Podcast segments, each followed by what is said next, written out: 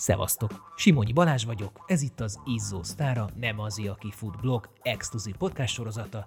Ezúttal Lesi Zoltánnal beszélgetek két részben, egyrészt a kutyásfutásról, aztán az ultrafutásról, és végül arról, hogy hogyan lehet edzőként hatnapos világbajnoki aranyérmet nyerni.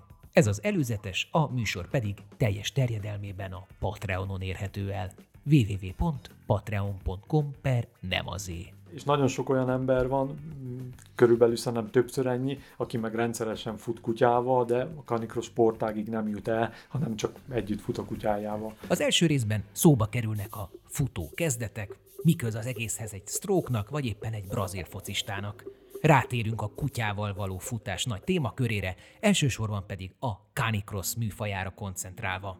Kiderül, hogy a canicross világa nem is áll távol annyira az emberi futástól. Itt is van kutyaizó, kutyahenger, kutyaultra, vagy éppen kutyameleg. Én a, a futással, meg akármilyen rendes sporttal csak 30 éves korom után kerültem komolyabb kapcsolatba. 30 éves koromig én a, a, az edzéssel, a futóedzés helyett az időt a kocsmában töltöttem, piázással, bulizással, és ezzel együtt járt mindenféle kocsmasportban, elég jók voltunk, darts, biliárd, és a, a csocsó az, ami kiemelkedett. Pedig hősünk egyáltalán nem akart futni, teljesen más érdekelte. A, a magyarországi csocsó szervezet megalakulásánál és az első komolyabb versenyeknél is én, én részt vettem. Olyannyira, hogy a csocsó világbajnokságra is kijutott. Kétszer.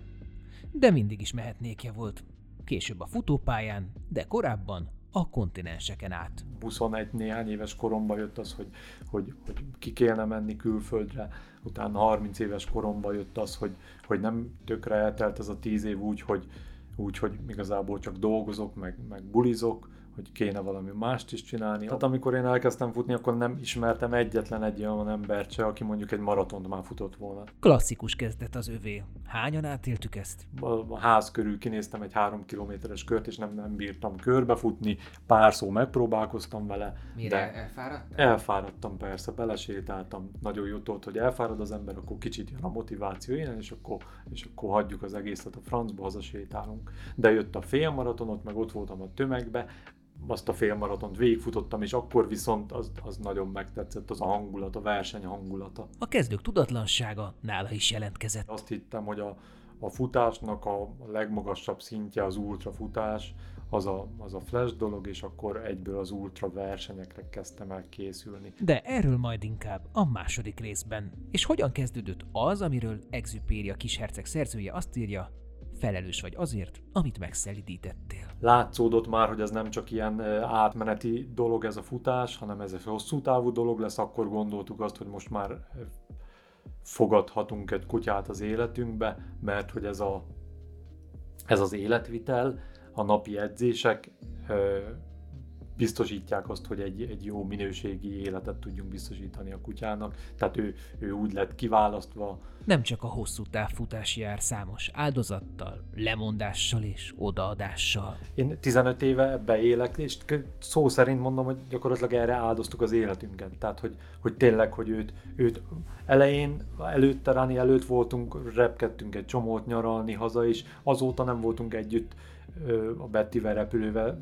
Zoli és Rani kutya kánikrosztozni kezdett. Ez egy olyan sport, amelyben a futó egy kutyával fut együtt, miközben mindketten egy speciális hám és kötél segítségével kapcsolódnak össze. Pár éve volt, talán 6-7 éve volt hír, amikor az első kanikrosszos meg, meg 5 kilométeren megfutott a, a 5000 méteres világcsúcsot.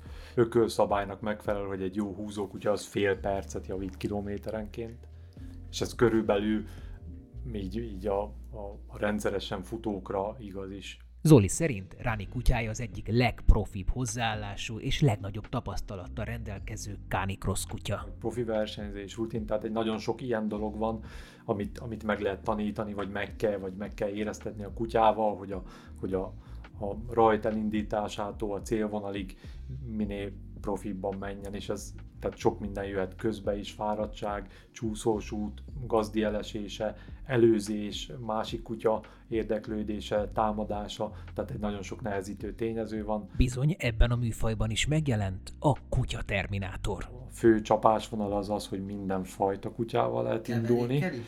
Keverékkel is de most már az élmezőny az elkezdett az utóbbi 10-15 évben kitenyészteni magának direkt erre való fajtán. Szuper kutya.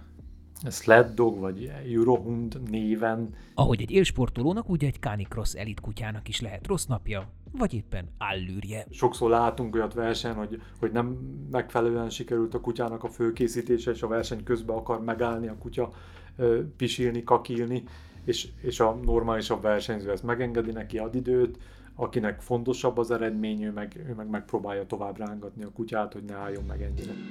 Ha van egy húsevő kutyád, akkor te mi leszel? Mint pár éve, de mondjuk 7 éve vagyok vegán, és teljesen a, tehát nem az egészségügyi szempontból, nem a futással kapcsolatos teljesítménynövelés szempontjából, hanem csak etikai okokból lettem én vegán, tehát az állatok iránti szeretetem, tiszteletem, megbecsülésem miatt. Az idő múlásával megfordulnak a szerepek. Mit tehet egy gazda, ha elit kutyája kiöregedett? Utóbbi 10, majdnem 15 évben, de 13 évben a futás nekem is, neki is az együtt futást jelentette.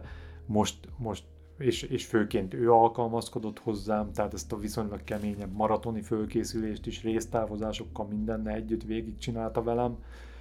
Ő alkalmazkodott mindez, minden, mindegy volt neki, hogy városba futunk, London belvárosába, Bristolba vagy erdőbe, 10 kilométert vagy 60-at, mindig ő alkalmazkodott, most egy picit úgy érzem, hogy nekem kell alkalmazkodni. Ez egy kutyának tök ideális élet, hogyha sokat fut a gazdájával, nem is biztos, hogy lehet ennél ideálisabbat kitalálni. És majdnem másfél évtized kutyatartás után milyen következtetéseket von le a szenvedélyes gazda? Az állattartást szerintem nem lehet jól csinálni mi, mi megpróbáltuk, tehát szerintem kevesen vannak a világon, akik ennyi mindent áldoztak azért, hogy, hogy jól csinálják, de nem biztos, hogy lehet jól. És lesz még kutyád utána? Most úgy gondolom, hogy nem.